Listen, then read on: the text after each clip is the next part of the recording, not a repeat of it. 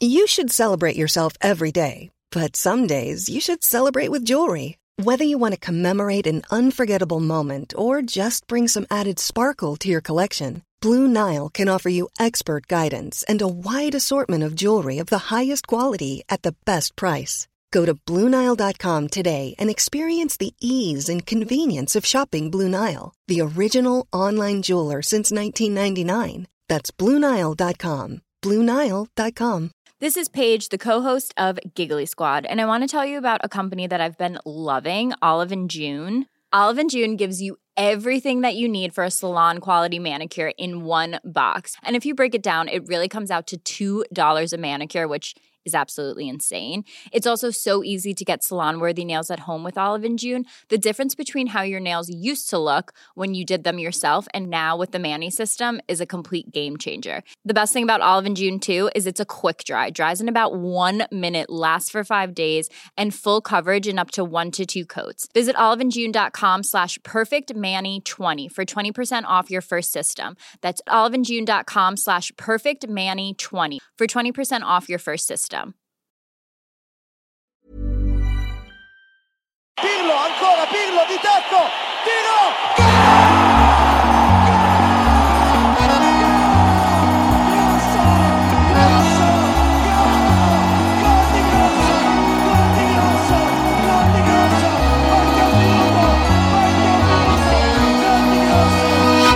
Sådär ja, det är ju något speciellt när en signaturmelodi för första gången klingar ut på det där vackra sättet. Eller om det är så att den kanske ringer in. Att den samlar alla oss Serie A-fantaster och Italienälskare eh, vid eh, radioapparaten höll jag på att säga. Det är ju inte 1993. Men du vet, vi samlas kring den här podcasten som fått namnet Calcio Amore. Jag heter Marcus Birro och tänkte i detta premiärprogram att Eh, det går till på det här sättet. Jag delar upp den här eh, premiärsändningen i två halvlekar. Vi kör en fotbollsmatch helt enkelt på klassiskt eh, maner. Första halvleken startar i detta nu och då kommer det handla lite grann om ambitionen, passionen, drömmen, planen ehm, och förhoppningen kring den här podcasten, vilka som är inblandade, varifrån jag kommer, varför jag gör det här och lite sånt där. Och surra lite grann om vad jag gjort innan när det gäller rapportering kring italiensk fotboll, bara för att sätta lite sån stämpel, du vet kratta upp manegen lite snyggt där. Och sen är det en liten skön sån eh, halvtidsvissla och direkt på den. Det är ingen paus överhuvudtaget. Ni hinner knappt, eh, jag vet inte vad ni hinner göra, gå och hämta på, fylla på San Pellegrino mineralvattnet eller vad ni nu vill göra, du vet. Eh, så är det dags för andra halvlek. Och i den andra halvleken i detta programmet, det är alltså två halvlekar i ett samma program, så ni behöver inte bli förvirrade. Men vi sparar eh, Serie A till andra, till, eh, andra halvlek. Då vi kommer att, eh, och vi i det, eh, i det här fallet är ju jag då och mina röster i huvudet möjligen som kommer att gå igenom varenda lag i Serie A i bokstavsordning eh, med spelare som kommit och gått och eh, ehm, läget i laget eh, i de olika lagen inför, eh, inför seriestarten helt enkelt som alltså sker ju om en knapp vecka. Så är det tänkt. Eh, jag heter alltså då Marcus Birro som sköter den här grejen och jag gör det ihop med eh, en hel massa människor. Det som är intressant är när vi, jag hade tidigare en, en eh, podcast, jag, har, jag programleder en podcast som heter Studio Allsvenskan för er som följer den, eh, den inhemska svenska serien, kanske har hört talas om den podden, går väldigt bra. Otroligt roligt att få göra den. Sen har jag haft lite grann vid sidan av en, en podcast som heter, eh, äh, heter Birros Sportpodcast som har rullat i ett halvår ungefär va? på oddsparen.com och där har vi haft alla möjliga... Tanken var det att man skulle hålla det uppe på, på all möjlig sport. Vi har haft Anette Norberg, du vet, curling, vi har pratat tennis, vi har pratat Eh, sen blev det väldigt mycket fotboll. Men sen så plötsligt under en tid i somras så tänkte jag så här, varför inte göra om den till en Serie A-podd enbart istället? Eh, så jag pratade med Oddsbaren där podden har legat och de tyckte att det var en väldigt bra idé. Och sen så var det en skön grej, för jag lanserade tanken på mitt Twitterkonto. Där har jag väl en 15 000 följare eller vad det är. Det är liksom sådär halvstort. Och, så. och jag hade inte förväntat mig någon respons överhuvudtaget på det egentligen. Utan jag tänkte bara att jag presenterar idén här och ser vad folk som, eh, som följer mig på Twitter tycker om den grejen. Det kan vara kul att få lite feedback. Liksom. Jag har ju ägnat mig åt väldigt många olika saker i mitt liv. Eh, men har sedan något år tillbaks beslutat mig konsekvent för att bara i stort sett ägna mig åt fotboll. Eh, eftersom jag tycker att det är det särklass roligaste och framförallt då italiensk fotboll. Men också svensk när det gäller allsvenskan med Studio Allsvenskan. Det är väldigt kul att få göra. Men jag skrev på Twitter om den här idén att jag hade att jag tänkte att men kan vi inte göra om den här podcasten som jag har och så gör vi den till en bara Serie A-podd. Och det blev ett väldigt genomslag. Och för mig kändes idén som att komma hem. Och jag gillar ju känslan av att komma hem. Jag är ju en melankoliker och sån Lundell-drömmare i mitt hjärta och tänker att hemkomster är bland det vackraste som finns. Ehm, så för mig är det storslaget och fint för att jobba med Serie A och fotboll igen och italiensk fotboll igen. Men jag hade ju inte väntat mig att andra skulle vara lika engagerade och intresserade av det. Så det gladde mig något oerhört. Och då tände det till på en del cylindrar kan jag säga. Då kände jag plötsligt så här, shit, det här är ju, det här är kul, det är ju fler som är med på det här. Och det har saknats. Och det här är ju märkligt, för om vi då ska redan direkt sätta det i ett historiskt perspektiv, det kan vi väl göra lite kort. Så är det som att det nästan alltid egentligen saknas forum kring eh, eh, den italienska fotbollen och Serie A. Det går ju i perioder och i, och i vågor det där. Jag jobbade på Expressen och skrev om Serie A när Zlatan var i Milan. Eh, och då var det ju väldigt mycket, och även, även när han var i Inter, ska vi säga också. Eh, och då var det ju extremt mycket fokus just på att Zlatan var där. Sen flyttade ju han då till någon pajasliga där i Frankrike. va? Eh, och eh, då rasade även intresset. Men då, hade, då var det någon sorts boom för eh, italiensk fotboll i Sverige medialt i senare modern tid. Det finns ju, vi ska återkomma till hur det såg ut lite längre bak i tiden. Men Zlatan hade ju en magnet som folk drogs till och när han lämnade till Frankrike så var det många som lämnade Serie A. Så det där går ju i vågor. Eh, men det kändes lite, jag fick i alla fall intrycket av att många har saknat ett forum för Serie A. Och sen upptäckte jag en annan spännande grej som har följt Serie A sen mitten av 80-talet i stort sett. Sen eh, jag var mogen nog här, att kolla på fotboll eftersom jag då har italienskt påbrå och farsan är italienare. Så jag har halkat in på det där vare sig jag ville eller inte. Eh, men jag, men jag upptäckte att det fanns ett, en och det kan jag ärligt säga har jag inte känt när det gäller Serie A de senaste åren. Men det fanns en, en ny eld kring det, en nytt, ett nytt drag, ett större intresse. Eh, det kändes hetare och det var inte bara Cristiano Ronaldos övergång. Som vi kommer surra om en hel del i andra halvlek sen här under det här första programmet. Eh, det var ju naturligtvis dels det. Dels var det Robin Olsen till Roma. Plötsligt fick man se reportage i SVT Sportnytt från Rom tre kvällar i rad. Eh, och det har ju liksom aldrig hänt förut kan man säga. Eh, så att det är klart att den svenska, att Robin Olsen gick till Roma var ju också en del fokus. Eh, Cristiano Ronaldo var ju en helt sjuk värvning. Det flyttar också naturligtvis fokus. Men en annan grej som jag också tror på, som jag inte hört eller sett någon annan tänka på, men eh, det är ju som vanligt, men jag tänkte på den. Det är faktiskt det som hände i november på San Siro. Det betyder ju inte bara att Robin Olsen eh, i förlängningen fick ett eh, proffskontrakt med Roma för att han höll nollan mot ett av världens bästa försvarslandslag. Utan också den eh, vad ska vi säga, jag stannade ju kvar några dygn i Milano efter den där matchen och redan då och där, sen har jag ju följt naturligtvis italiensk media eh, noga och det gör jag ju vare sig jag vill eller inte. Typ så här. Det är ju en passion jag har, alldeles oavsett om jag jobbar med italiensk fotboll så följer jag ju den stenhårt och nära. Men det var intressant att följa, att lyssna på, att läsa, att se den självrannsakan som italiensk fotboll ägnade sig åt efter att ha åkt ut mot Sverige. Först var det bara kris och kaos och Ventura skulle bort och det var bara totalt värdelöst. Och man vägrade inse liksom vad det var som hade hänt. Men ganska snabbt efteråt så insåg man, okej okay, nu står vi på ett stampat jordgolv, vi har missat VM för första gången sedan 1958. Eh, vi är inte så jävla bra som vi tror. Eh, vad ska vi göra nu? Vi måste liksom fejsa den här gubben i spegeln. Vi måste se honom i ögonen och tänka det är så här det ser ut, det är det här vi har. Nu jobbar vi med det vi har. Och så här är det när det gäller de här grejerna och det gäller både fotbollslandslag, fotbollsligor och enskilda människor i tillvaron, vad man är råkar ut för. När man hamnar på botten, eh, och det kan vara olika sorters botten. Jag har varit nere på en del brutala nivåer när det gäller bottnar, så jag kan en del om det. Men det är inte unikt för mig. Alla kommer i, i under sina liv hamna på sina egna respektive bottnar av olika anledningar. Det kan vara dödsfall, skilsmässa, sjukdom, eh, missbruk. Det kan vara massa saker som gör att man måste klättra ner i källan och ställa sig barfota på det stampade jordgolvet och skrapa fram en gammal spegel från 1700-talet och sen titta i den där spegeln och där ser man vem man är. Och det är plågsamt i mångt och mycket till att börja med. Eftersom man inser att den man ser i spegeln är inte den som man har trott att man har varit. Och när det gäller italiensk fotboll så tror jag det var extremt nödvändigt för dem att åka ut mot Sverige i det här playoff-spelet. Man har samlat ihop sig, man har hittat en del bergskrevor som man har kunnat krypa in i och slicka sina sår som man säger. Och man har kommit tillbaks lite mer ödmjuka, lite mer toleranta, lite mer vidsynta och lite bättre tror jag. Det tror jag också är en anledning till att Serie A känns hetare. Det är lite klart svårare och kanske inte lika enkelt att peka på och säga sådär Därför är Serie A hetare i år. Det är klart att det är enklare att peta, peka på att i Sverige är fokus på att det är en svensk stor målvakt som har gått till en relativt stor klubb i Italien, eller Cristiano Ronaldo. Det är klart det är det. Men jag tror också att det här faktiskt spelar roll. Jag minns ju när Cesare Prandelli ledde landslaget 2014. De åkte ur i det VMet under gruppspelet. Eh, de åkte ut mot Uruguay var det va? Och Costa Rica som gick vidare. England, Italien. De var andra två lagen som åkte ur där.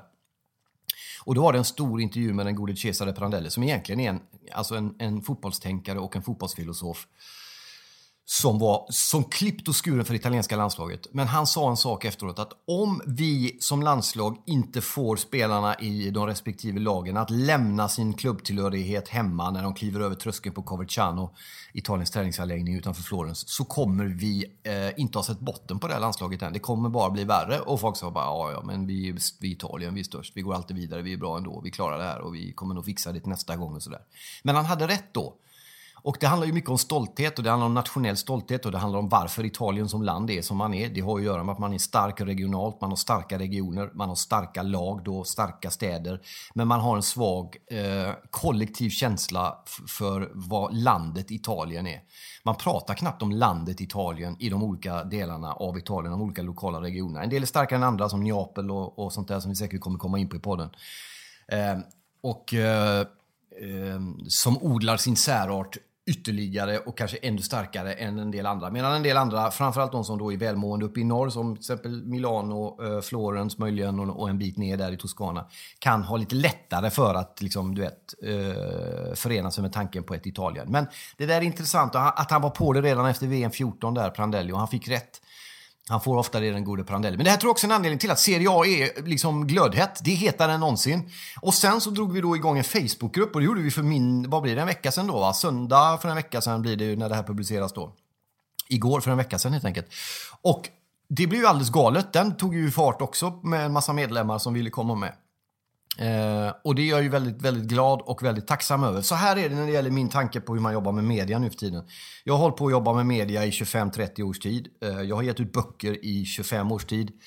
Jag har jobbat med italiensk fotboll och fotboll i övrigt, sportjournalistik kan man väl kalla det, fast fotboll i tio år. Och jag är ingen journalist, jag har aldrig varit en journalist. Jag kommer aldrig bli en journalist och jag är jävligt stolt och glad över att jag inte kommer bli en journalist. Det fanns en tid där eh, kollegor gick och fysiskt klappade mig på huvudet och log lite snett och tyckte att ja, men du skriver ju bra sådär, men någon journalist kommer du aldrig bli. Och jag led av det då. Nu är jag bara oändligt tacksam över att jag inte är det. Jag är den jag är, med mina fel och brister. Jag har ingen journalistisk utbildning, jag har inga polare i den jävla krets, i de där kretsarna, i den där världen. Men jag har en passion, jag har en drivkraft, jag har ett kunnande, jag kan skriva, jag kan surra, jag kan en del om italiensk fotboll. Dock inte kan jag mer än någon annan, vilket är väldigt eh, mån att påpeka det här. Så att min poäng när det gäller det här Calcio Amore, min mission när det gäller det här, eh, hela den här produktionen som vi kallar Calcio Amore, inte bara den här podcasten, utan det handlar om att inkludera människor som älskar italiensk fotboll, älskar Italien, älskar Serie A, oavsett nu vilket lag vi håller på. Oavsett vilken klubb vi håller på. Inga sådana självmutsningar, folk som kastar skit för att man har en annan färg på en av färgerna på halsduken. Utan att vi älskar, och vi, vi behöver inte älska våra motståndare, men behöver inte hata dem heller. Vi kan synkroniseras, alltså vi kan gemensamt eh, eh, komma samman i vår kärlek till Italien och till Serie A och till den här stackars ligan. Sen är det också så, det upplevde jag tidigt när jag började skriva för Svenska fans var där jag var först och började skriva om italiensk fotboll i januari 2007 hur man hela tiden fick legitimera att man älskade Serie A. Man fick hela tiden försvara att man älskade Serie A. Och fick man inte försvara så fick man åtminstone förklara. Vad fan gillar du den skitligan för? Det är bara massa vaxade du vet, primadonner som kastar sig i minsta och så sa man nej det är så här, nej det är så här. Och till slut blev jag så trött på det där så jag tänkte, för, jag, för i alla andra sammanhang i liksom den moderna upplysta tiden så behöver man inte eh, försvara sin kärlek. Varför ska man behöva försvara kärlek tänkte jag. Och då, när jag började skriva om italiensk fotboll 2007, så fanns det i stort sett ingen som skrev om italiensk fotboll då. Eh, det var, Zlatan var Juventus då tror jag, men det var väldigt få även då om det. Så att jag fyllde väl ett tonrum, samtidigt som det kanske även saknades personer som skrev på det sättet som jag skrev på. Eh, om det nu är bra eller dåligt, men jag kommer från ett annat håll och det var mer poetiskt. En skön grej som jag fortfarande tycker är rolig, det är när eh, oftast unga män, oftast unga män med utländskt påbrå, ursprung som kommer fram och eh, vill snacka lite italiensk fotboll eh, så säger de det, jag har hört det många gånger nu, jag tycker det är lika underbart varje gång, att nej men du vet Birro, jag gillar inte den där poesi och det där du håller på med. Och det, men när du skriver fotboll tycker jag det är bra. Och då blir jag så säger jag till då har jag lurat dig för det är poesi.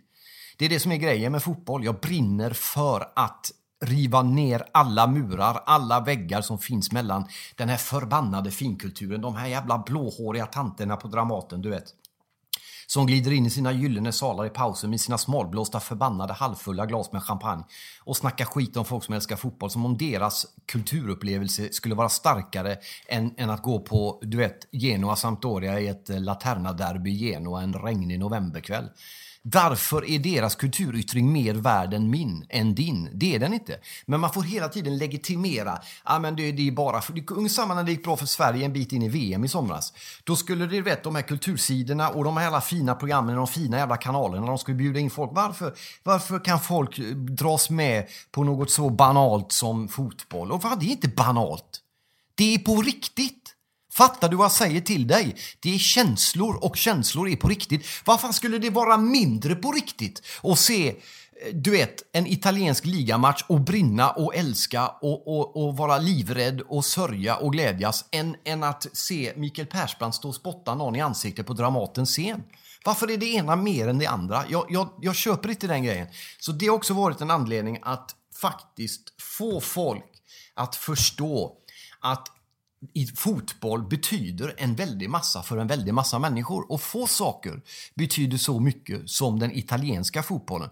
Och den har en given plats i mitt liv av biologiska skäl eftersom jag är halvitalienare, men den har det också av andra anledningar. Och jag känner många människor i Sverige som inte har några biologiska band överhuvudtaget till Italien, som är minst lika mycket, om inte mer italienare än vad jag är. Och det finns människor som är stöpta på ett sådant sätt, både känslomässigt, eh, psykologiskt och mentalt. På alla sätt är de liksom stöpta i någon sorts sydländskt mall. Det är någonting som gör att när de kommer ner till Italien och tar en kopp kaffe så känner de sig att de är hemma där. Och den där känslan tycker jag är intressant, att folk som inte har band, eh, liksom fysiskt biologiska band till Italien, fortfarande kan känna det. Och det märker man i Facebookgruppen som heter Calcio Amore för enkelhetens skull. Där märker man det, att det är många människor som inte har band till Italien som ändå brinner för sitt lag, sin, sin liga och sitt land och sådär. Och jag tycker att det är fantastiskt. Jag tycker det är helt underbart. Jag tycker det är så befriande och det är glädjande på alla sätt och vis att det är på det sättet. Eh, kort bara om podden då. Eh, vi startade en Facebookgrupp som heter Calciamore. Vi har en kille som heter Patrik som är den som gör all grafik för er som har sett den, alla bilder Eh, all layout, eh, alla puffar. Facebookgruppen är ju täckt med bilder med små kort nästan, så här vackra kort digitala med, med, information om varje lag. En underbar bild på stan, arenan, vem som tränar. Jag har lagt ut på Facebookgruppen, gå in och kolla, som vi har kallat Birros favoriter. Så har Patrik fixat grafiken kring det, som jag har plockat ut spelare ur varje lag, det som jag tycker man ska titta på lite extra i varje lag. Vi har plockat ut små kort om information kring varje lag och vi har även Birro frågar där vi ställer lite frågor i grafisk form som ni gärna får gå in och surra på. Så tanken med det här är inte bara att jag ska sitta och göra en podcast som en miljard människor kommer att lyssna på, för det tror jag inte kommer att hända. Utan jag vill att det ska vara en sorts rörelse. Man ska kunna gå in på Facebookgruppen utan att lyssna på podden och man kan lyssna på podden utan att gå in på Facebookgruppen. Ni fattar. Men jag brinner för att vara ett forum för Serie A. Det finns några sådana och de är duktiga och de är bra och de är fantastiska, men de är inte calcio amore. Så det är hit man går om man vill ha hela den här halvmaniska, superpassionerade drivet om vad Serie A egentligen handlar om. Jag gör den ihop med Oddsbaren som jag tycker ni ska gå in och kolla på. Där skriver jag även kröniker, två, tre stycken i veckan. Eh, och det är en spel sportsajt som, ehm, som växer och där jag har varit under en tid och jag är dem evigt tacksamma för att de har... Det är de som gav mig chansen att få jobba med fotboll igen. Eh, det är jag för dem evigt tacksamma och gå in och kolla på dem. Vi gör även det här ihop med svenska fans. Och det är ju otroligt glädjande och hedrande att få ligga även på deras plattformar, den här podcasten, eftersom svenska fans är ett ett av Sveriges i särklass största forum när det gäller alla typer av fotboll från i stort sett alla delar av åtminstone Europa och eh, även den italienska. Och naturligtvis även av personliga skäl eftersom det var där jag började en gång i tiden. Eh, för en 11 år sedan någonting började skriva om fotboll. Då var det svenska fans jag började på innan jag sen blev värvad av Expressen och så småningom hamnade på TV4 med Club Calcio bland annat för er som möjligen kommer ihåg det programmet som vi hade under några säsonger där med Jesper Husfeldt va? Simon Bank, Eh, Martin Åslund och efter ett tag så eh, hamnade även eh, Don Tomasova. Thomas Nordahl gled in där och körde Club Calcio. Vi hade även något som hette Late Night EM för er som var uppe sent på kvällarna under EM 2012 som gick i TV4. Så jag har jobbat mycket med fotboll där, eh, skrivit mycket för Expressen, det var där jag var under längst tid, 5-6 år och skrev väldigt mycket om italiensk fotboll, även internationell fotboll. Och, sådär. Eh, och sen så har jag då legat, det legat ner under en tid, under det sista halvåret och året har det blommat upp igen. Och nu då framförallt det här sista med Calcio Amore som vi har dragit igång bara för några veckor sedan egentligen. Så vi är ju, ja, ni hör ju hur taggad jag är liksom. Och jag har inte ens druckit min kvällsespresso än när jag bandar det här, så det här kan ju sluta hur som helst alltså. Så är det. det. det. finns ett uttryck som jag tycker är intressant när det gäller skrivande eller kommunikation överhuvudtaget. Om det så är poesiskrivande eller om fotboll eller vad det är. Och det är när någon säger att nu, när de, nu är det så jobbigt eller underbart eller så att man inte kan sätta ord på det. Många människor hamnar i ett läge där man inte kan sätta ord på det man känner när det man känner blir för starkt. Och det är där en sån som jag kommer in. Och jag vill poängtera det för er som lyssnar noga nu, att det inte är speciellt viktigt att det är jag som gör det eller att det, mitt yrke är viktigare än någon annans yrke, för så är det sannerligen inte. Men vad yrket, poet, författare, skribent eller vad det nu är för något, vad det handlar om för mig, det är att sätta ord på det som du känner men inte själv kan sätta ord på eftersom du har andra saker att göra med ditt liv. Du kanske är driftig på att laga rör eller köra buss eller plugga eller vara civilekonom eller vad det nu är du har för drivkraft och det är du bra på. Så när jag behöver hjälp med något i mitt liv med det du är bra på, då ringer jag dig. Och behöver du hjälp med att formulera, vad är det jag känner egentligen? När jag ser slow motion bilder på Paolo Maldini sista match i Milan eller när han en glidtackling av Javier Zanetti med 20 års mellanrum när han ser likadan ut. Förutom att det är någon form av homoerotisk kärlek som vi kan återkomma till något senare avsnitt möjligen, för den finns ju naturligtvis med. så kan man också konstatera att det är svårt ibland att sätta ord på allt det där. Och det är då jag kommer in och skriver och talar och säger att men det kanske är ungefär så här. Och det i den bästa av världar då för en sån som mig, det är att när du säger att precis så där är det, eller att ah, nej, men nu har du nästan fångat det jag kände. Det är vad jag vill att Calcio Amore ska vara också. En mötesplats, eh, ett ställe där vi kan mötas, ett ställe där jag lyssnar lika mycket på er när ni skriver på Facebook och ni hör av er till mig som ni lyssnar på mig när jag sitter och tjafsar i den här micken. Jag vill också säga det, jag sa det innan också, men det kommer alltså komma gäster. Fattar du? Eller? Det här är bara premiärprogram. Det går inte att sitta och köra en podd två gånger i veckan själv. Inte ens jag orkar hålla det tempot. Eh, och det skulle bli helt ointressant dessutom. Men det kommer bli spännande och samarbetet med svenska fans är intressant av många anledningar. De har ju ehm, eh, väldigt många duktiga skribenter på alla, i stort sett alla lag i Italien. Och tanken är ju att man ska bjuda in många av de där gästerna så att de från de olika lagen kan komma och vara gäster och prata om sitt lag en, en viss vecka och sådär. Och då hoppas jag att om, menar, om Genoa, Inter, Milan kommer med sina gubbar och pratar att inte bara folk från de klubbarna, supportrarna lyssnar utan även andra andra lagsupportrar lyssnar framför allt nästan. Så att man får liksom det perspektivet på det också. Det är vad jag brinner för. Ehm, min egen, bara kort då bakgrund när det gäller arbetet med italiensk fotboll. Jag hade inte skrivit, jag hade skrivit några enstaka krönikor under 06 för svenska fans tror jag. Hade varit där och nosat, hade promenerat förbi dörren utan att öppna den kan man säga. Eh, seglat förbi fast inte sett att det stack upp en ö, ungefär så, och glidit vidare till nästa typ. Men sen såg jag, och det har jag sagt i något annat sammanhang möjligen, eller skrivit om på Facebookgruppen, men det var i december 06 så har ju SVT alltid en VM-krönika. Inte varje december, men det är året det har varit VM. Och då var det någon Ekman eller något hette han var i efternamn som hade en krönika om eh, det VMet. Fantastiskt, otroligt eh, grafiskt snyggt ihopsatt och sådär. Eh, men sen så kom han till semifinalen mot Tyskland. Eh, Italien match mot Tyskland i semifinal. Och började snacka om att det var en fruktansvärt tråkig match. Han visade något klipp där det var någon kamp om bollen vid någon sidlinje. Och de låg och fäktades med benen i någon jävla hög där. Och han konstaterade att det här var ju bedrövligt. Och sen så pratade han om VM-finalen som är fruktansvärt dålig och att Frankrike höll på att ta över.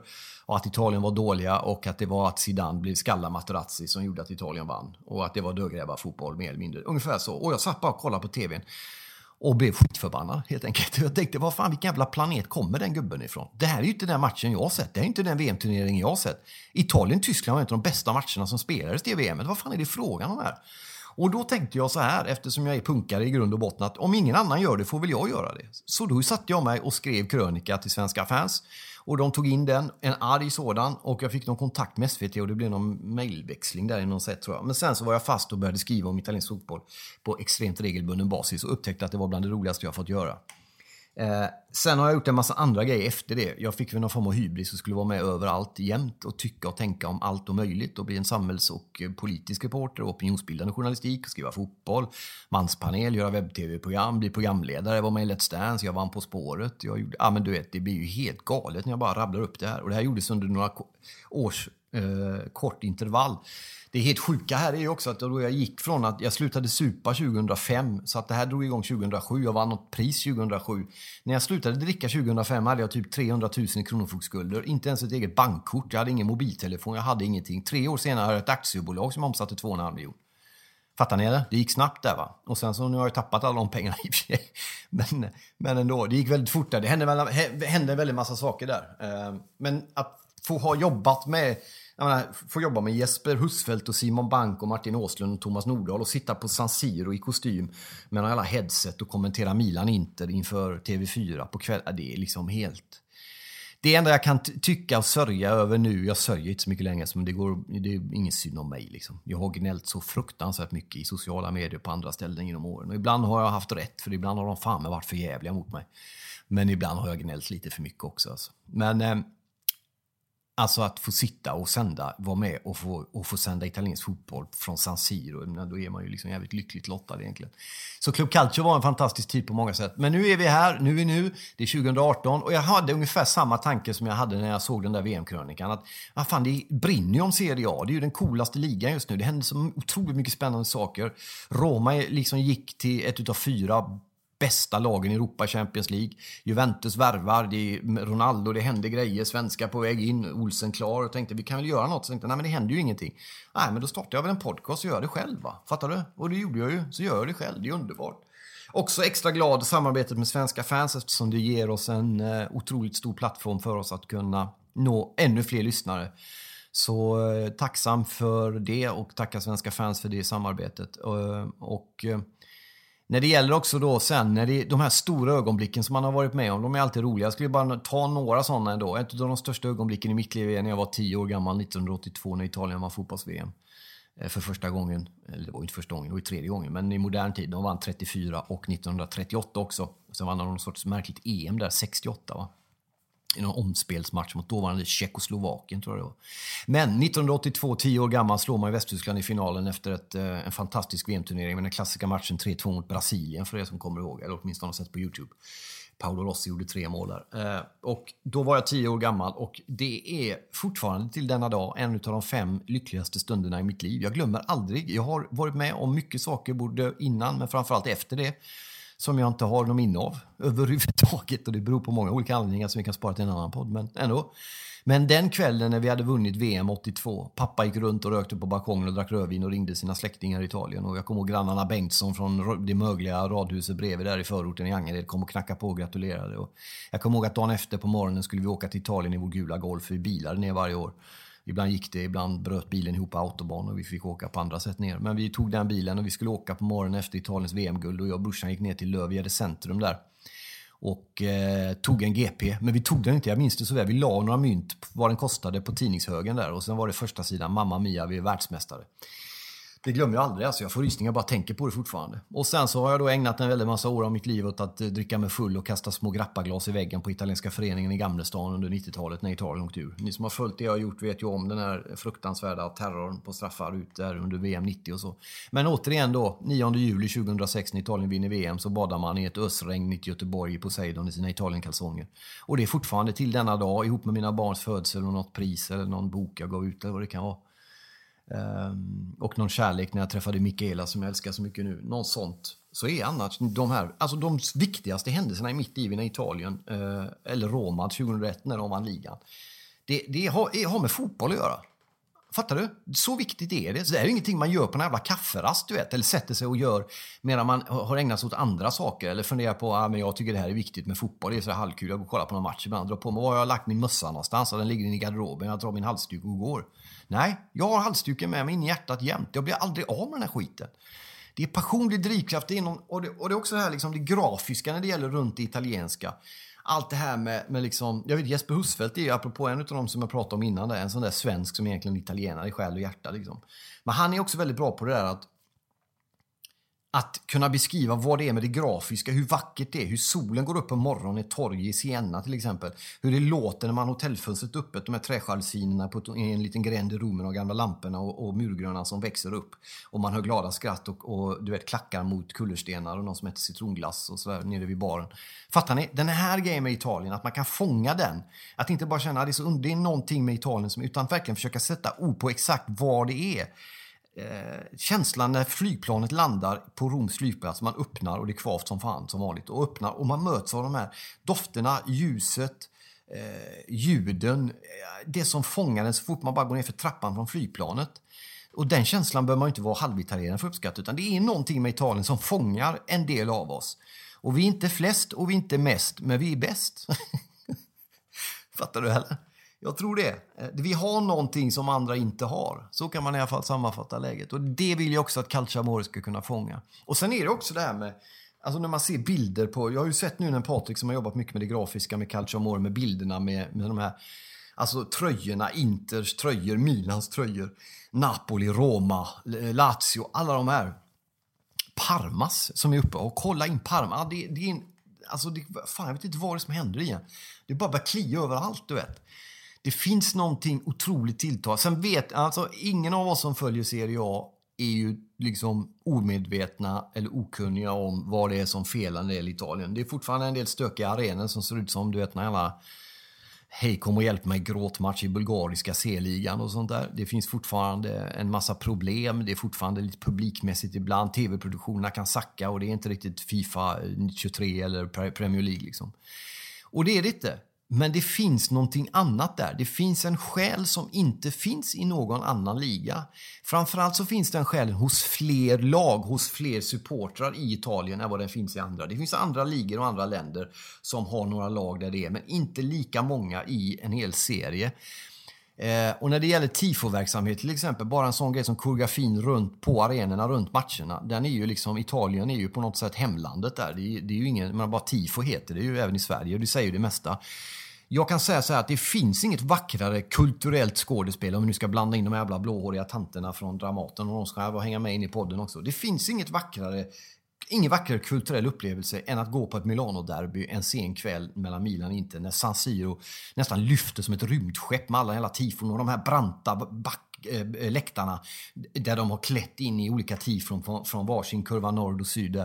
Alltså det är så jävla storslaget så att man fattar inte. Och även ett derby i Rom, derbyt i Genoa, Sicilien-derbyt matcherna med eh, Fiorentina, Juventus. Men sen är ju jag också skadad och det här är också någonting som jag hoppas ska kunna ges utrymme i Calcio Amore. Det är liksom att jag ser hellre, du vet, Frosinone, Genoa än jag ser ett City-derby. Och där är det möjligen så att jag skiljer mig och det får man väl göra då. Men den här podden och den här rörelsen som vi försöker skapa med Calcio Amore är tänkt att inkludera både de som kanske slår över och kollar på för att se Juventus med Ronaldo möta Olsen i Roma och de som älskar och ser fram emot att Genoa ska få möta Frosinone. Fattar du det?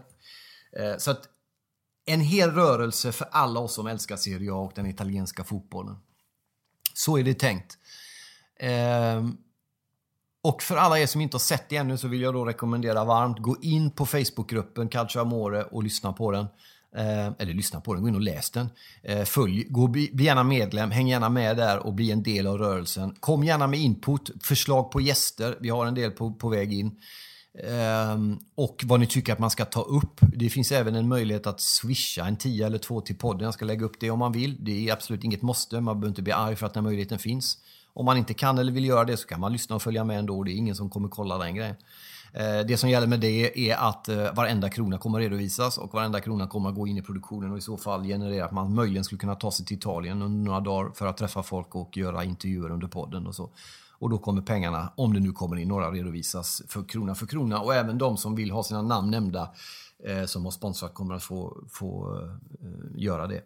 Eh, så det är det på det hela, hur vi har tänkt oss det hela. Jag är oändligt tacksam över att det är igång. Vid den här första halvleken som eh, är snart till ända här. Eh, men eh, misströsta inte, du kan gå ut, jag ska gå ut och andas och dricka ett glas vatten. Och Eh, ta mig en snabb espresso faktiskt. Och sen så ska jag komma tillbaks i andra halvlek som börjar alldeles direkt efter den här första. Fattar du? Det är, ingen uppdelat i avsnitt och skit nu, utan det är halvlekar bara. Så gå ut och drick ett glas vatten, ta en kort paus, ta en, en extremt snabb löprunda på 35 sekunder. Knacka på grannen och, och eh, öppna inte, utan öppna, knacka och spring in igen, möjligen. Fattar du? Du hinner inte med så jävla mycket. För i andra halvlek tänkte jag att vi skulle gå in på de mer konkreta grejerna, lämna beroköret lite grann och så går vi in och kollar på eh, Serie A som den kommer att se ut inför den här säsongen. Alla lag, eh, nykomlingar, eh, nyförvärv och eh, spelarförluster och allt sånt där för varje lag i lugn och saklig takt. Fattar du eller? Tack för att du är med. Nu är vi igång.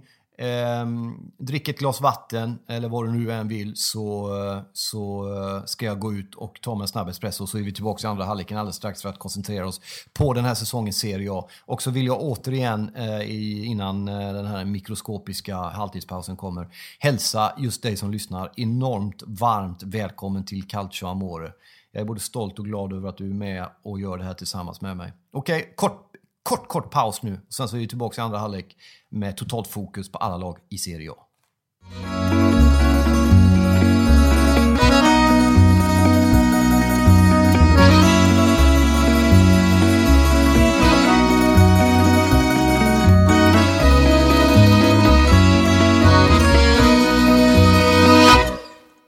Efter en kort paus är vi då tillbaka till andra halvlek av första programmet av Calcio Amore. Jag heter fortfarande Marcus Francesco Totti Birro och jag tänkte till denna andra halvlek att vi skulle ta och gå igenom eh, så mycket som man vid denna tidpunkt när detta bandas, som är då sent lördag kväll den eh, 11 augusti. Eh, vad vi har i någon form av silly season och eh, rykten och övergångar och spelarförluster och allt sånt där. Jag tänkte att vi skulle ta det lite lag för lag. Eh, men vi börjar ju med de eh, väldigt uppenbara, tydliga värvningarna som alla vet. Vi behöver inte vara så väldigt långrandiga kring det i just det här premiäravsnittet. Vi kommer ju komma in på det, vad det lider under säsongen i programmen. Såklart, men eh, Cristiano Ronaldo till Juventus är naturligtvis eh, något av det mäktigaste som har hänt i fotbollstransfervärlden på bra länge alltså. Och då behöver man inte ens vara Serie A-nörd eller totalt insnöad på italiensk fotboll för att tycka. Det är ju något helt galet den här värvningen alltså. Att den kommer så tajt också in på då eh, ett fantastiskt facit som han hade i slutet av Real Madrid. Det var någon intervju jag läste i någon italiensk tidning att eh, det fanns med i eh, beslutet, det som hände under semifinalsmötet var det väl va? Eh, eller möjligen kvartsfinalerna i eh, mellan Juventus och Real Madrid när han gör det där fantastiska målet på bortaplan Turin och uh, Juventus-publiken applåderar honom. Eh, det värmde hans hjärta och eh, sen är det också intressant att se, lyssna till hur Juventus har arbetat målmedvetet. Redan för fem år sedan så sa ju presidenten där att om fem år kommer vi kunna värva en spelare som... Hej, jag Ryan Reynolds. Recently, I asked Mint Mobiles legal team if big wireless companies are allowed to raise prices due to inflation. They said yes. And then when I asked if raising prices technically violates those onerous two-year contracts, they said, what the f*** are you talking about, you insane Hollywood ass? So to recap, we're cutting the price of Mint Unlimited from $30 a month to just $15 a month. Give it a try at mintmobile.com slash switch. $45 up front for three months plus taxes and fees. Promo for new customers for limited time. Unlimited more than 40 gigabytes per month. Slows. Full terms at mintmobile.com. Ever catch yourself eating the same flavorless dinner three days in a row? Dreaming of something better? Well, HelloFresh is your guilt-free dream come true, baby. It's me, Gigi Palmer. Let's wake up those taste buds with hot, juicy pecan crusted chicken or garlic butter shrimp scampi. Mm. Hello Fresh. Stop dreaming of all the delicious possibilities and dig in at HelloFresh.com. Let's get this dinner party started. Quality sleep is essential. That's why the Sleep Number Smart Bed is designed for your ever evolving sleep needs. Need a bed that's firmer or softer on either side? Helps you sleep at a comfortable temperature? Sleep Number smart beds let you individualize your comfort so you sleep better together. JD Power ranks Sleep Number number 1 in customer satisfaction with mattresses purchased in-store. And now, save 50% on the Sleep Number limited edition smart bed for a limited time. For JD Power 2023 award information, visit jdpower.com/awards. Only at a Sleep Number store or sleepnumber.com. exempelvis Cristiano Ronaldo. Och eh, det där har följt med honom under åren. Sen har det ju liksom, det som är sjuka med det är ju att vi kollar då på, och folk eh, försöker liksom hålla det emot honom. Okej, okay, ska vi verkligen ha Cristiano Ronaldo om fem år? Eller den typen av spelare. Nu har det gått exakt fem år, han sa det, och Juventus har Cristiano Ronaldo. Det är egentligen inte det intressanta, att de värvade den gubben de sa att de skulle kunna värva för fem år sedan. Det intressanta när det gäller Juventus är ju alla de åren som gått sedan dess, under de här fem åren. Vad är det man har gjort? Man har gått till Champions League-final två gånger, va? nära att gå igenom den här makalösa returmatchen i Madrid mot Real. Men man har ju framförallt vunnit både ligan och italienska cupen i stort sett varenda år, där de, de där åren som man inte har köpt Cristiano Ronaldo. Nu kommer han, det är ju helt galet på alla sätt och vis. Eh, vi återkommer till det, vi går igenom lagen eh, lag för lag i bokstavsordning inför den här omgången då, som, eh, eller inför den första omgången som drar igång här om en vecka ungefär. Det kommer komma ett nytt avsnitt precis inför matcherna. Då går vi igenom matcherna i första omgången och ger lite mer eh, perspektiv. Det händer ju saker på transfermarknaden fortfarande i Italien. Det senaste under kvällen när detta bandas är ju att eh, Albin Ekdal sägs vara mer eller mindre klar för Sampdoria. Inte helt och hållet, men det är uppgifter via eh, Twitter och eh, Totosport och Sportbladet som refererar att det är åtminstone extremt nära. Sen ska man också säga att under kvällen här på lördagen så eh, har Milan lånat ut den portugisiska landslagsanfallaren André Silva till Sevilla, Sevilla i Spanien. Eh, och dessutom så har Milan eh, brutit brytit med Antonelli som värvas av Empoli. Det är det senaste där. Och sen så finns det också då att eh, Favilli går till Genoa från Juventus. Det blir väl lite för mycket där. Det är de senaste grejerna som bara liksom ligger i någon form av pipeline under lördagskvällen, så jag vill bara ha sagt det. Eh, vi återkommer till eh, de här ryktena som hela tiden kommer, och inte bara rykten utan bekräftade övergångar också. Det händer ju hela tiden. Transferfönstret stänger ju senare när det gäller eh, Sydeuropa. ska bli intressant att se när då det här har satt sig. Det är länge sedan nu, när det, för er som är eh, något äldre, eller åtminstone har en form av... Jag tycker det är skönt, en grej som är skön med att bli äldre, det är mycket som är jobbigt med att bli äldre, men en skön grej är det att man kan sätta saker och ting i historiskt perspektiv och man får lite Ja, man, får, det, man får en sorts vindlande vacker korridor bakom sig av minnen, av upplevelser, av erfarenhet, av känslor och av, eh, eh, av kärlek i mångt och mycket också. Jag minns till exempel på den tiden när de italienska lagen bara hade tre spelare, inte bara italienska lagen utan utomlands innan Bosman, när man fick ha tre utländska spelare på plan samtidigt, vilket gjorde att klubbarna riktade in sig på olika typer av länder för att värva de här tre spelarna. För att det var ju viktigt att de var samkörda på lite olika sätt. Tyskland, eh, eller Inter hade ju tyskar, bland annat och Breme. Eh, Rummenigge och Matteus. Va? Och Milan hade ju då holländarna Schullit, van Basten, Rijkaard och sådär. Den tiden är ju så länge förbi så att nu kan man ju värva och köpa och, och, och ha sig på alla möjliga sätt och vis. Och Inter är ju en klubb som har det i sitt namn till och med att ha många spelare Eh, ifrån, eh, ifrån resten av världen och eh, sådär. Eh, så det kommer ju hända en hel del grejer om, och det har säkert hänt från det jag bandar detta tills du lyssnar på det här. Men eh, det, det, där är ju den nya mediala ordningen. Förr i tiden så hände det något och sen hände det något, sen hände det ingenting på tre dagar och sen fick man reda på att det hade hänt något för tre dagar sedan. Den mediala utvecklingen har ju gått rasande hela fort för oss som var med och fick vänta. Ibland var det så när det var någon kvällsmatch så hade man hoppat, du vet när man hade Göteborgsposten när man bodde i Göteborg, att morgontidningen hade fått med kvällsresultatet från matchen kvällen innan.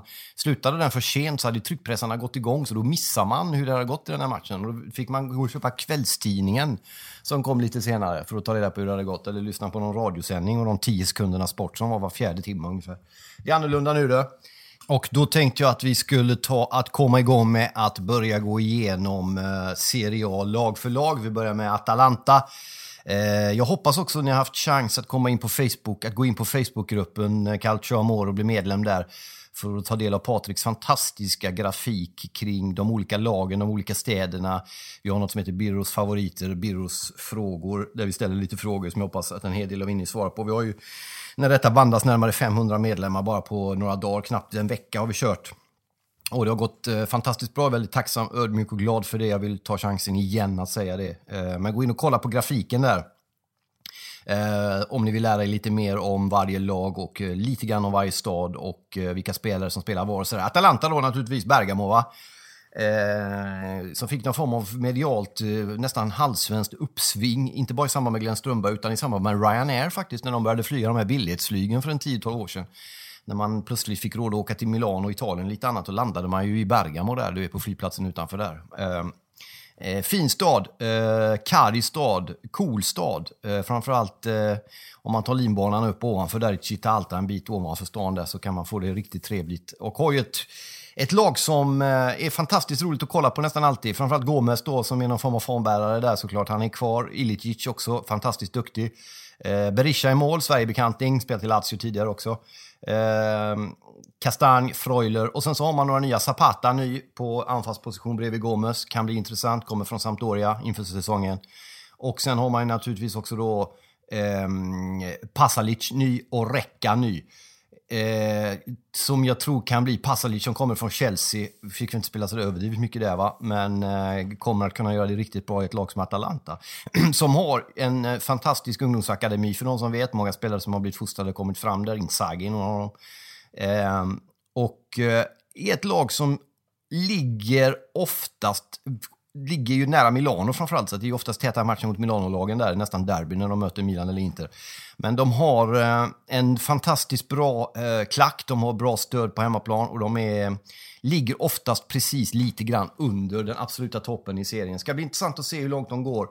Eh, har tappat några då, Cristante framförallt kanske till Roma, Rizzo, Bologna, Agazzi, Livorno. Eh, så att man har även tappat en del, men eh, tränas ju utav den eh, goda Gasperini som ju till och med var 12 och bli Italiens förbundskapten ett tag. Så det, är en, det, är en, det är en habil klubb. Det är, en, det är ingen stor klubb men det är, en, eh, det är en klubb med ambitioner och det är en klubb som absolut är kapabel till att slåss om att eh, åtminstone få kvala till, eh, till Europa League. Eh, vi tar oss vidare från eh, detta Atalanta till då Bologna, va? arkadernas stad. Eh, det gillar man ju. Staden som också är känd för att vara eh, det regnar mycket i Bologna, men kallas också för den feta, den röda och den lärda staden. Och den feta staden för att det görs god mat. Alla ni som har ätit spaghetti bolognese kan ju lista ut varifrån det kommer. Också den röda staden eftersom man röstar rött politiskt eh, i Bologna med omnejd. Och den lärda staden därför att det finns ett eh, uråldrigt, gammalt, duktigt och välrenommerat eh, universitet på plats i Bologna. Det som är intressant med Bologna nu är ju då att eh, Simone Inzagis bror, va? istället brukar det alltid vara tvärtom, det är alltid Filippo Inzagis bror som fick vara Simone Inzaghi. Men när det gäller tränargrejen så har ju den lite yngre brodern Inzaghi gjort det bra med Lazio, men nu har han storebror Filippo, eh, Pippo Inzaghi, tränar Bologna och det ska bli otroligt intressant att se. Han var ju i Milan ett tag, gick väl sådär och nu är han ju då tillbaks i Bologna, eller, eller tillbaks, men han är tillbaks i tränarbänken just på Bologna. Eh, I Bologna. Otroligt bra. De har satsat stort nytt, har halva laget nytt i stort sett.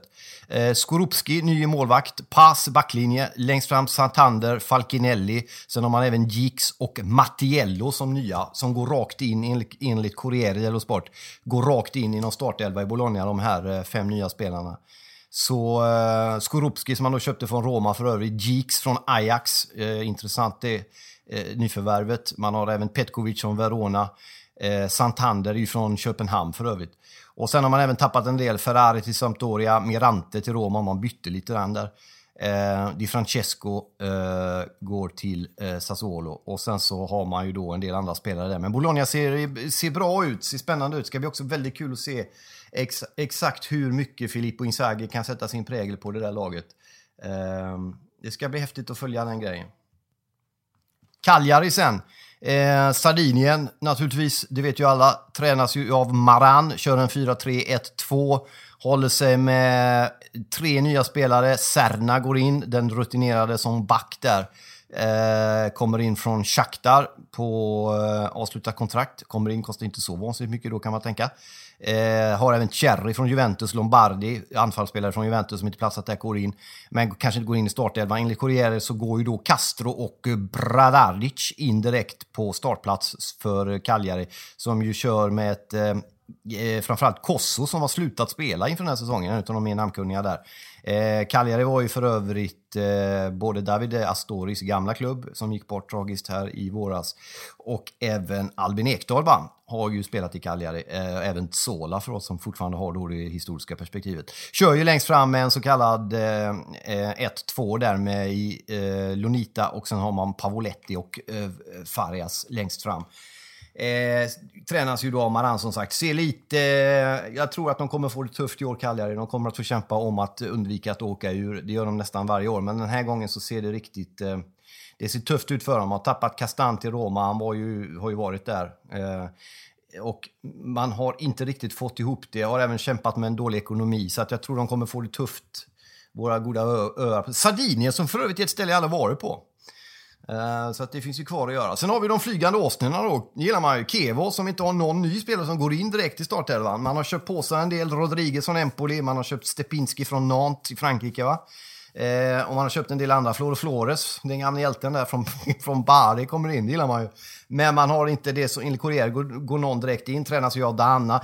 Kevo Aldro som är alltså det andra laget i Verona kan man säga, eller det första laget eftersom man är det enda laget i Verona som numera spelar i Serie A. Har ju Sorrentino, den gamla gråhåriga räven längst bak va. Kör sen Jarosinski, Bani, Tomovic och Cacciatore. Cacciatore är bra där alltså. Rigoni sen på mitten gillar man ju. Radonovic, eh, Hettemaj är bra va, albanen där va. Och sen har man Giaccherini, Stepinski, Birsa längst fram. Ett ovanligt bra och slagkraftigt lag. Jag tror att Kevo kommer med all enkelhet och det här får ni ju käka, kommer ni ju få liksom, du vet, skicka hattar i olivolja till mig efteråt. sen, sen. Men jag tror att Kevo kommer klara sig alldeles utmärkt om man kommer ligga på åtminstone som sämst i mitten, kanske till och med ännu bättre med det där laget. Särskilt om man får, ta, får igång den här Birsa som har ju kvaliteter som känns som att han aldrig riktigt får ut dem till 100%. Sen tar vi oss upp till, till Toscana, man vackra Toscana där vet du, med Andrea Zoli som tränar Empoli. Stökig stad Empoli alltså. Herregud, det är en stökig stad alltså. Skulle kunna dra en del skrämmande minnen därifrån, men det låter vi ju bli. Har köpt på sig ett gäng spelare då. Eh, inga sådana här supernamnkunniga kanske. Eh, Bitante från Carpi, det gillar man ju. Romagnoli från eh, Bologna. Eh, och sen så har man även en del andra spelare. Rasmussen kommer från Rosenborg, det gillar man ju norr, norrman där, från norska Rosenborg, går in.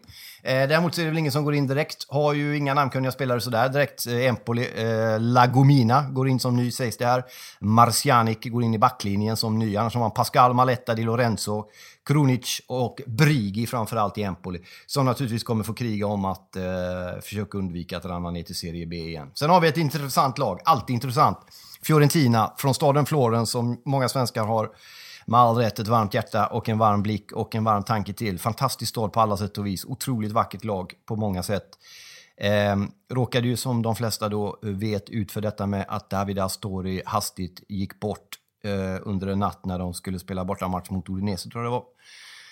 Och det ställde ju hela stora delar av fotbollsvärlden i en form av skymningszon under flera veckors tid. Det var plågsamt på otroligt många sätt. Och jag vet att jag pratade om det i den podden jag hade tidigare, om när det hände. Att de här spelarna, jag har aldrig träffat David Astori. Jag har träffat folk som har träffat honom, som kunde bra mycket mer än jag om honom, som sa en massa fina saker om honom redan när han levde. Eh, men det kom, alltså för oss som följer en liga intensivt, ett lag väldigt nära, läser om dem, eh, ser dem på tv flera gånger i veckan, vill följa med sociala medier, men ni vet allt det där. Vi får ju en sorts relation till de här människorna. Eh, alldeles oavsett om vi känner dem eller inte, eller har träffat dem eller inte, så har vi en relation till dem och de betyder mycket för oss eftersom de är en sorts ställföreträdande ambassadörer för oss. Framförallt om de spelar i lag som då våra hjärtan är pantsatta i. Så det, det var ju, de, de ehm, Ja, det, det präglade och det kommer att prägla Florens och Fiorentina under lång tid. Men jag tror att är det något som italienare är bra på, om man får uttrycka sig på det sättet, så är det att inte bara direkt när det har hänt minnas den personen som har gått bort, utan över tid faktiskt sätta dem i perspektiv. Det är bara att titta på eh, Gaetano Cherea, världsmästare 82, eh, stor ikon i Juventus, gick bort 1989 tror jag det var i en bilolycka medan han scoutade något lag i Polen eller vad det var. Och det finns ju fortfarande en kurva Cherea när Fabio Grosso, Grande Grosso, kom till Juventus så var det hans enka som lånade ut nummer 60 Grosso och sånt där. Och då har det nästan gått 30 år sedan, sedan eh, eh, Cherea gick bort. Jag tror att hans son jobbar med att analysera nu för Juventus. Om ni inte har sett den här Netflix-serien som går om Juventus tycker jag ni ska gå in och göra det efter det här avsnittet. Eh, så Fiorentina kommer ju från en, en oförglömlig säsong på ett väldigt tragiskt sätt. Man har Pioli som tränare, gift med en svenska tror jag va? Fantastiskt sympatisk och eh, otroligt duktig förbundskapten, höll jag. Jag hade gärna sett honom som förbundskapten i Italien, men nu är han ju tränare för Fiorentina. Man har köpt Lafont som målvakt längst bak, annars har man ju eh, Milenkovic, Petzella, eh, Hugo och Birage längst bort. Benassi, Vertå, Dabo och sen har man ju då Chiesa som många hoppas på mycket i Italien. Simeone och nya Mirallas där i Florens för Fiorentina. Eh, ett lag som det är väldigt lätt att tycka väldigt mycket om. Så eh, jag tror att de kan vara med och slåss med en Europa League-plats, kanske till och med högre om de får ordning på sina saker. Sen har vi en nykomling, det gillar man ju. Frosinone bara med tränare Longo kliver in och de har ju bunkrat upp med fem nya man bara som går direkt in i startelvan här. Man har ju Half, eh, Alfredsson för övrigt, islänningen där, som spelat både Udinese och Liveron och lite andra sköna lag va? Han kommer ju nu då och dundrar direkt in i, eh, i den här eh, eh, startelvan. Och det, det, känns ju spännande på många sätt. Han kommer från Udinese nu ja. Och sen har man ju bland annat då Sporitello i mål och eh, Perisha längst fram va. Molinaro är med också där i, i eh, Frosinone. Kommer naturligtvis att få kriga eh, sig eh, stenhårt om att försöka undvika att åka ur. Frågan är ju bara om man kommer lyckas med det. Det beror lite grann på, eh, Det beror på en jävla massa saker, men jag tror att oavsett så kommer man ligga i botten. Men kan vara så att om man får bättre ordning på... Oftast är det med nykomlingarna som går upp från Serie B till Serie A i Italien att man tänker så här, de första två, tre matcherna är hysteriskt viktiga, bara vi får en bra start. Men det är många eh, lag som kommer upp från Serie B till Serie A som får en bra start och ändå åker ur. Jag tror att det handlar om att vara iskalla i början, inte få panik, eh, inte få, om man får stryk mot, du vet, får det tufft i början, att man inte tappar det, inte släpper efter utan försöker hålla i det och kanske köpa på någon ny spelare om det finns möjlighet och sen kriga, kriga, kriga sista månaderna för att klara sig kvar istället för tvärtom. Vi får se hur det går. Kul med Frosinone ändå i eh, Serie A. Eh, vi kommer återkomma till, jag vill bara säga det kort nu när vi går igenom lagen så här att det kommer komma tusen tillfällen och ett av de eh, tillfällena av dessa tusen kommer i nästa avsnitt som är då inför premiärsomgången då vi kommer grotta ner oss lite mer om vad det är för lag och vilka städer de kommer från och vilka match, vilka det är som möts. När vi, när vi eh, går igenom match för match under första omgången så kommer vi gå igenom de olika lokala delarna i Italien. Vi kommer gå igenom vilka rivaliteter som finns utifrån matchschemat. Istället för att sitta här och prata, ah, den då kommer därifrån och när de möter dem så kommer det och det hända. Utan vi går igenom det när matcherna väl spelas under säsongen. Eh, så att vi tar det omgång för omgång när vi väl drar igång. Det här är bara en hastig genomgång av de olika lagen. Balladini, vår eh, skallige solglasögonprydde man, där tränar Genoa va? Som var, har jag sett i Facebookgruppen eh, Calcio Amore. Gå in där och bli medlem nu var en av de tröjorna som många tycker om. Eh, vi la ut den, vilken som var Serie A's eh, bland de snyggaste tröjorna i, i eh, eller vilken tröja som var snyggast helt enkelt och Genoa kom högt upp. Slagna bara av en klubb faktiskt, Parma nämligen.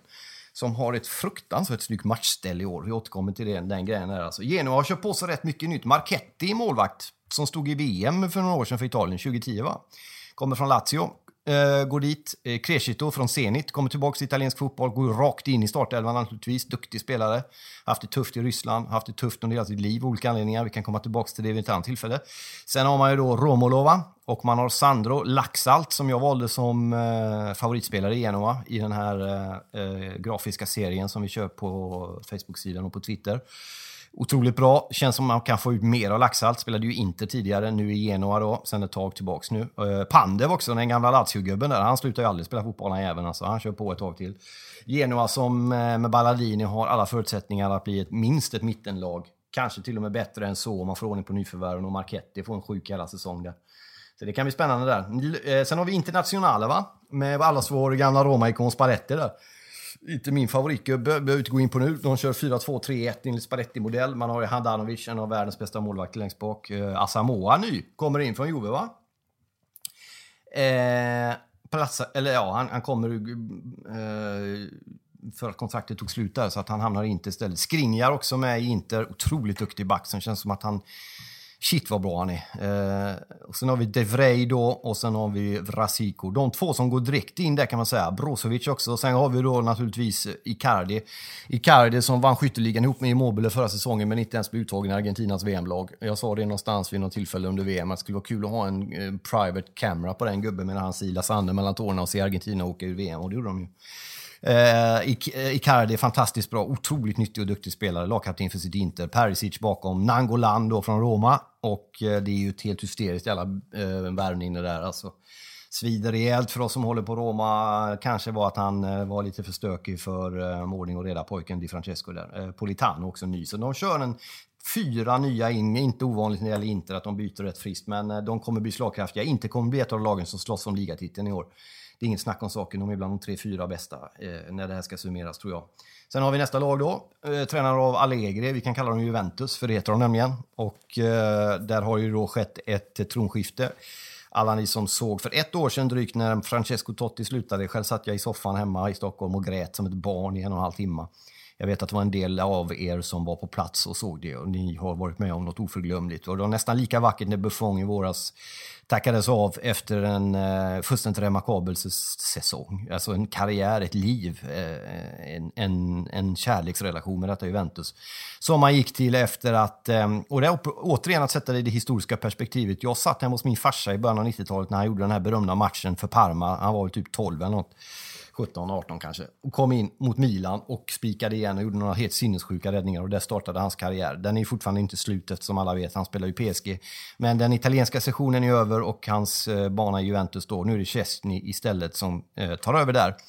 Och eh, återigen, kolla på Netflix-dokumentären om Juventus där Chesney pratar mycket om det här med att ta över efter en sån ikon som eh, Buffon. Det är ju naturligtvis omöjligt, men som man säger, jag kan inte bli en ny Buffon, men jag kan bli en väldigt bra Chesney. Och det, eh, han har en del att träna på då om han ska bli. Han kan vara lite, ja, han har ju stått i Roma, vi lämnar den grejen. Vi håller oss till backlinjen, där har vi Sandro Chiellini Bonucci igen. Och det gillar man ju. Eh, Bonucci som alltså då går tillbaks till Milan, eller förlåt, till Juventus från Milan och eh, om det kan man inte säga så mycket mer än att det är otroligt fascinerande att se just hur italienska försvarsspelare bygger varann pratade i en annan podd som heter Studio Allsvenskan med Sundsvalls målvakt eh, William Eskelinen om det där. Hur de själva hade sett en match mot Tottenham, tror jag var, för Juventus gjorde. När eh, Chiellini och Buffon och Barzagli då, som slutat nu, hjälpte till att rädda och sen firade som om de hade gjort mål fast de hade avvärjt ett mål. Och hur de då sa att det här ska vi försöka ta efter i våra försvarsspel under matcherna i Allsvenskan och sådär. Bonucci är naturligtvis en världsback, otroligt bra. Men hur mycket han gick ner i kvalitet när han inte hade Chiellini bredvid sig och Buffon bakom sig.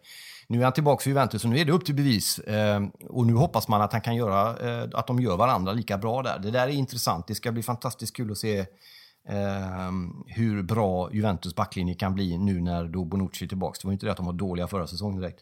Man har ju även köpt eh, Douglas Costa från Bayern, va? Eh, Emre Can från Liverpool. Och så då Bonucci då kommer från Milan. Perin också går in som andra målvakt får man utgå ifrån då, kommer från Genoa. Också otroligt bra landslagsmålvakt. Och så har man ju då såklart Cristiano Ronaldo. Som går in naturligtvis direkt där och ställer sig i mitten mellan Costa och Dybala. Och bakom sig har man då eh, Kan och Pjanic och Matuidi förslagsvis som startelva. Det är ju alla som vet det där vad som gäller när det gäller eh, eh Ronaldo till Juve. Vad man tappar är ju Buffon då, Lichsteiner till Arsenal. Kan bli mer kostsamt än vad man kan tro. Lichsteiner är en fantastisk fotbollsspelare. Alla hatar honom bara för att de inte spelar i hans lag, men han är otroligt nyttig. Asamoah gick ut i inte som sagt. Annars har man faktiskt inte tappat sådär överdrivet mycket spelare som, eh, som spelades egentligen. Det är egentligen bara Lichsteiner och Asamoah som man har gjort, och Buffon då. Eh, så att Juventus blir naturligtvis återigen eh, den största, alltså laget att slå, helt enkelt, som man säger. Där har vi gått igenom hälften. Vi tar oss vidare till Lazio som eh, har har en hyfsat låg profil, men har ju ett bra lag och har ju då som sagt Simone Inzaghi, va? Eh, Filippos brorsa där. Eh, har ju Acerbi som mittback, kan gå in direkt där. Eh, otroligt duktig spelare och kan passa in väldigt bra i, i det här bygget. Eh, annars så har man ju Strakosha mål. Otroligt duktig, med något hyfsat skakiga mellanrum. Luis Felipe, Radu, eh, Parolo, italiensk landslagsman på mitten, Lulic, Immobile, Luis Alberto. Det är ett fantastiskt jävla lag de har, Lazio. Lyckas ofta, får ofta en dipp en bit in på vårsäsong. Eh, eller förlåt, en bit in mot slutet av säsongen när de brukar tappa en del Lazio. Eh, men kommer naturligtvis vara eh, med och slåss bland dem fem, sex bästa lagen i den där ligan, i den här serien. I detta år, fattar du? Där? Då går vi in på Milan som är, tränas av eh, Gennaro Gattuso som kan vara en av de skönaste människor jag aldrig har träffat, men som jag önskar att jag hade träffat. Fan vad jag älskar den gubben alltså. Världsmästare 06. Eh, en, ah, jag vet inte. Jag bara älskar karln. Orkar inte. Vi tar det en annan gång, annars kommer jag aldrig därifrån. Han kör sitt 4-3-3 va? Donnarumma i mål, som eh, fortfarande gör en del tabbar, men ändå räknas som Italiens bästa målvakt just nu, etta i landslaget. Har inte köpt på sig så mycket, men man har ju Iguain som man har fått från Juventus, vill jag säga. Och sen så har man ju då, alltså Iguain i Milan är fan riktigt bra. En Riktigt bra värvning. Han kommer vara så taggad. Han kommer vara... Jag tror att han passar väldigt bra i den här klubben. Jag tror klubben är bra för honom. Det kan bli fint på alla sätt och vis. De här Biglia, Kessi, Bonaventura och eh, Rodriguez Romagnoli. Caldara längst också där bak. Otroligt duktig fotbollsspelare i backen där eh, från Juventus då i det här bytet som kommer eh, tillsammans med Higuain så när Bonucci gick åt andra hållet. Ska bli intressant att se vad Milan... Många pratar ju där om Milan som den stora gamla klubben och man vill se dem det och du vet, man tycker det är jobbigt när det går dåligt för dem och vad händer med stora gamla fina Milan och sådär. Men det tar tid att bygga och det är fortfarande en av världens mest anrika klubbar och de är värda all respekt. Eh, inte bara för vad de gjort utan för vad de försöker bygga också. Så det ska bli intressant att se och följa Gattusos Milan eh, under den här säsongen. Älskar Gattuso alltså. Sen har vi Napoli som har sin, eh, gjort några nyförvärv, men det viktigaste är ju naturligtvis på bänken, Carlo Ancelotti. Så det är intressant att se vad den kyliga strategen kan göra i en sån het fotbollsstad som Neapel. Jag tror att det är, en, ut, det är en av de bästa värvningarna i italiensk fotboll på väldigt länge att Carlo Ancelotti hamnar i Napoli. Att han inte hamnar i landslaget tycker jag var synd, men nu är han i Napoli och det är ännu värre för honom. Man har också eh, Fabian och Meret som målvakt. Annars är det samma gamla gäng där. Mertens, Hamsik, Insigne, Milik som man hoppas kan börja få vara skadefri ett tag och kan börja leverera lite. Hysha är duktig, albanen där på backlinjen upp och ner. Eh, eh, Koulibaly också och Albiol och alla. Det är ett bra lag Napoli, ser ungefär ut som förra året. Men den stora skillnaden är ju då Ancelotti. Nu är det ju så att Sarri som tränare, de är ju och inte någon dålig tränare heller, är ju Chelsea som alla vet nu. Men eh, jag tror att Ancelotti har ett annat typ av tänk än vad Sarri har och frågan är om man kan vrida på några små grejer för att få det här att leverera. Framförallt psykologiskt håller under en del tuffa bortamatcher under säsongen också. Eh, annars är det ju ett offensivt fantastiskt Napoli att kolla. Förra säsongen var de helt grymt underhållande att kolla på varenda match alltså. Så det ska bli kul att se hur mycket Ancelotti kan eh, fortsätta få dem att spela underhållande men kanske till och med också få dem att plocka lite fler poäng och bli något mer cyniska. Parma sen då, det gillar man ju. Många som är på gruppen som har Parma som ett av sina favoritlag och det tycker man ju är roligt. Eh, Bruno Alves, den gamle gubben där, vacklade raka vägen in där på ett skönt sätt. Otroligt skön värvning. Från Rangers kommer han, Bruno Alves. Han bara går rakt in där nu i backlinjen. Ihop med Gobbi, bland annat, också ny. Eh, Rigoni också ny där och så CP i mål. Parma som eh, ju har haft ekonomiska bekymmer kommer starta med en del minuspoäng också, värt att notera. Glöm inte det, de kommer starta med en del minuspoäng inför säsongen. Eller när säsongen börjar har man minuspoäng helt enkelt. Eh, inte så många dock tror jag, men man har några. Och det kommer ju bli tufft för dem naturligtvis, men jag tror att de kommer klara sig kvar. De har en historik, de vet om hur man gör, de har åkt upp och ner några gånger. Men de har en erfarenhet av att eh, komma upp från Serie B under tuffa villkor och de vet exakt hur det vad som krävs för att klara sig kvar. Jag hoppas de klarar sig kvar. Det är en anrik, vacker förening och som jag var inne på, de har nog vunnit tävlingen om vilka, som har det snyggaste, vilka lag som har det snyggaste matchstället. Sen så kommer vi till eh, Roma, va? Eh, som tränas av Di Francesco med sitt 4-3-3 och som gjorde en fantastisk säsong förra året. Räckte inte riktigt till i ligan, men gick ju väldigt långt i Champions League och var ju nästan nära på att slå ut Liverpool i en returmatch, trots att man fick stryk stort i första matchen där. Eh, ni kommer ihåg det där. Eh, man har ju då Mirante i mål, eller så har man Robin Olsen i mål. Det som visar sig så småningom nu är nog att Robin Olsen kommer att kanske bli den som är eh, eh, första målvakt. Eh, lite beroende på träningsmatcherna som har varit. Men intressant naturligtvis Robin Olsen till Roma. Det är intressant av många anledningar. Han kommer vara en väldigt bra formbärare för Serie A i Sverige. Det är inte ofta man ser Sportnytt ha reportage från Rom och Roma tre kvällar i rad, men det hade de. Så funkar ju Sverige. När det är en svensk på plats, då bryr vi oss. Eh, och det är inte så mycket att säga om, det är så det funkar i det här landet. Så att jag är bara glad att han är där. Ju mer svenskar som är i Serie A, ju gladare blir jag. Eh, sen så har man en backlinje, Florenzi, Manolas, Fazio, Kolarov. Stabil, lite trög möjligen. Eh, något lättare att ta sig fram på eh, Romas högersida där Florenzi oftast springer otroligt mycket långt fram och inte alltid är lika snabb tillbaks. Cristante ny in på mitten ihop med Pastore, också ny som kommer från PSG. Va? De Rossi i mitten där på mitten och sen har man Klöivert då, eh, pojken, unge Klöivert där, eh, som har kommit från Holland. Och så har man Deco och så har man Grusynder.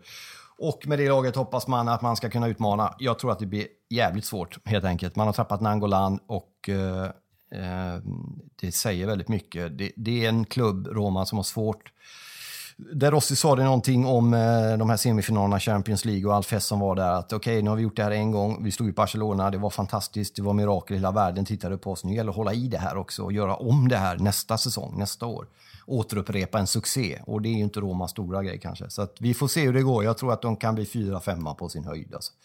Vi tar oss från Roma och tar oss till Sampdoria då, där vi ju förhoppningsvis kan skriva in Albin Ekdal då. Jag tror att han skulle passa utmärkt i den här stan. Sampdoria som alltid varje år är med och tävlar om att ha de snyggaste tröjorna i hela världen. Oh shit vad snygga de är.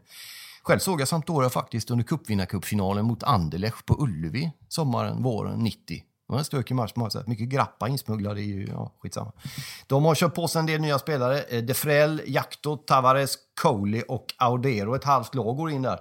Eh, Sampdoria som tränas av eh, Gianpaolo och är ju en, ett lag från Genoa som de flesta vet. Så det kan bli sköna derbyn mot eh, Genoa. Svenskt möte där, Sampdoria-Genoa kan ju bli då. Det gillar man ju. Eh, har ju tappat då som sagt också en del som Zapata bland annat som var inne på till Atalanta, Ferrari, Ferrari till Sassuolo och en del andra saker där. Men eh, ett eh, Quagliarella som är ju värd att nämna som krigar sig till eh, en, en säsong till. Han var ju med och spelade i landslaget så sent, eller så, så länge sedan som, vad fan var det, 2005, 2004, 2005, 2006 var eh, Quagliarella med i landslaget. Fortfarande startspelare för Sampdoria, bara i Serie A, gillar man ju. Går lite långsammare i Serie A va? så att man orkar lite mer. Eh, Sassuolo sen, fin klubb som många inte har så god koll på. Som undrar vad håller de på med varenda säsong och bara krigar sig kvar. Men de är bättre än så, de är bra. Berardi bland annat, duktig, ung, eh, numera A-laget. Eh, kom fram som ett gigantiskt löfte i U21-fotbollen i Italien, Berardi. Eh, Babacar också då från gamla Fiorentina där va. Ny, Brignola. Eh, Boateng också ny. Det gillar man ju. Det tror jag kan bli en eh, fantastisk fin värvning på många sätt och vis. Alltså. Kommer ju från eh, Eintracht Frankfurt, som vi säger. Eh, och eh, Sassuolo som eh, Di Francesco som tränar Roma gjorde ju en superkarriär i Sassuolo och eh, ja, de kan, jag vet inte, kanske en 8-9 i bästa fall. Sympatiskt lag, fin arena, ligger bra till på många sätt och vis där, Sassuolo. Sen har vi ju Spal då, det gillar man ju. Från min, eh, mina fastrar bor i Ferrara. Spal ligger ju, kommer ju från staden Ferrara helt enkelt. Ehm, och eh, får ju, fick kriga sig kvar förra året, gjorde det och har nu köpt på Fares Petagna minsann längst fram och Valotti och lite annat folk där. Atenucci finns med också. Kurtic bra. Felipe kör ju 3-5-2. Eh, vilket ofta ser ut som att det är 8-2. För de, de hamnar, Spal hamnar ofta tungt bak. Men har en hyfsat bra, fin arena, bra stöd, bra publik, bra tryck där. Eh, vacker liten eh, halvtrött stad i slutet av majsfälten kan man säga. För jag rekommenderar alltså ett eh, kortare besök om ni har möjlighet och tid. Torino sen, det gillar man ju. Mazzarri tränar i Torino, det gillar man ju. Passionerad, underbar gubbe på många sätt och vis. Alltså. Har ju fina spelare i Falke från Roma tidigare till och med. Eh, min favorit Belotti. Eh, italiensk landslagsman, var bedrövlig mot Sverige i november, men det var ju alla. Eh, han gjorde mål när de fick stryk nu sist mot Liverpool, men och har en kapacitet som inte riktigt har kommit ut än och det hoppas jag att Sarri kan få ut av Belotti. Att han är kvar i Torino beror ju på att han inte riktigt har fått ut det han kan. Eller så kan han inte mer, men hela fotbollsitalien går ju och väntar på att Belotti ska blomma ut ännu mer.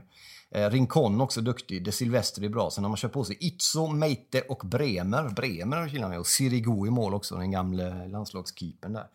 Så Torino är ett lag som man hela tiden tänker, i år kan det lossna, i år kan de, men det, fan det blir inte riktigt, de fastnar med ballarna i någon grej där du vet.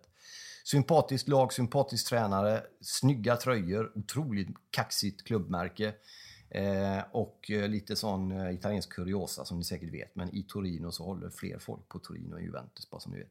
Vi tar oss till eh, nordöstra Italien, va? Udine, Udinese, Velagres som tränar Udinese. Detta lag som en gång i tiden var med och krigade i dåvarande Uefa-cupen faktiskt. Sicko, den gamla brasilianaren, har spelat i Udinese. Då.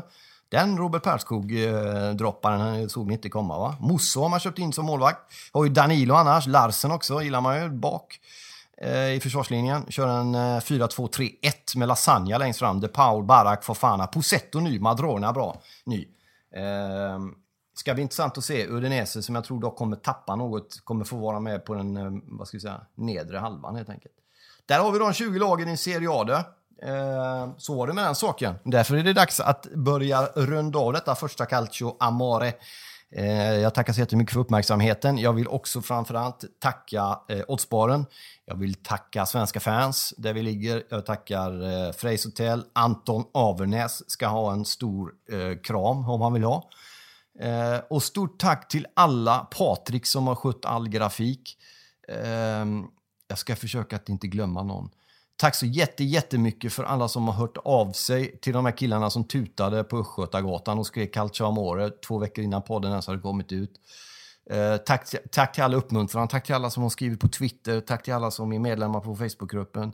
Tack till alla som har eh, bara uttryckt sin sympati och sitt stöd och tycker att det här är roligt. Vi gör det tillsammans. Fortsätt att bli medlem på Facebook. fortsätt att bjuda in era vänner. Fortsätt att göra det. Fortsätt att höra av er till mig. Det gör man på Facebook. Man kan mejla mig, marcusmc.biro.hotmail.com. Jag finns även privat Facebook, men framförallt är jag på Calciamore Facebooken-sidan. Kommer förslag på gäster till nästa vecka så kommer det gäster. Eh, idén är att vi ska försöka ha igång så småningom när säsongen väl kommer igång två avsnitt i veckan. Nu har vi sjösatt det första. Nu har vi liksom kickat ut den här barkbåten med den här grönvitröda flaggan och vi har skickat ut den och vi får se hur långt det bär. Men vi tänker se till att det bär så långt det bara går. Men vi behöver eran hjälp och jag är evigt tacksam för att det är så många som orkar bry sig och som är så otroligt dedikerade och hängivna den italienska fotbollen. Utan det här intresset, utan den responsen som jag fick redan första gången jag skrev på Twitter att jag skulle göra det här, så hade jag aldrig orkat göra det. Eh, det är otroligt mäktigt att få vara en del av den här rörelsen som är Serie A, italiensk fotboll i Sverige. Tack för att ni finns. Eh, vi hörs strax igen. Eh, ta hand om er och Forza Roma och Grande Grosso.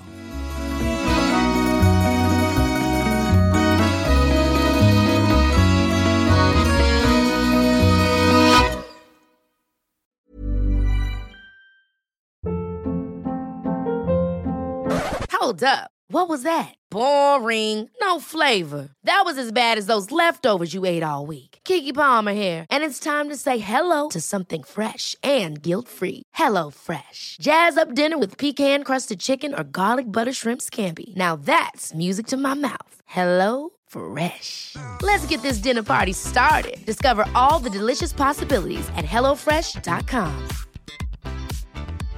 Imagine the softest sheets you've ever felt. Now imagine them getting even softer over time. That's what you'll feel with Bowl and Branch's organic cotton sheets. In a recent customer survey, 96% replied that Bowl and Branch sheets get softer with every wash. Start getting your best night's sleep in these sheets that get softer and softer for years to come. Try their sheets with a 30-night guarantee. Plus, get 15% off your first order at bowlandbranch.com. Code BUTTERY. Exclusions apply. See site for details.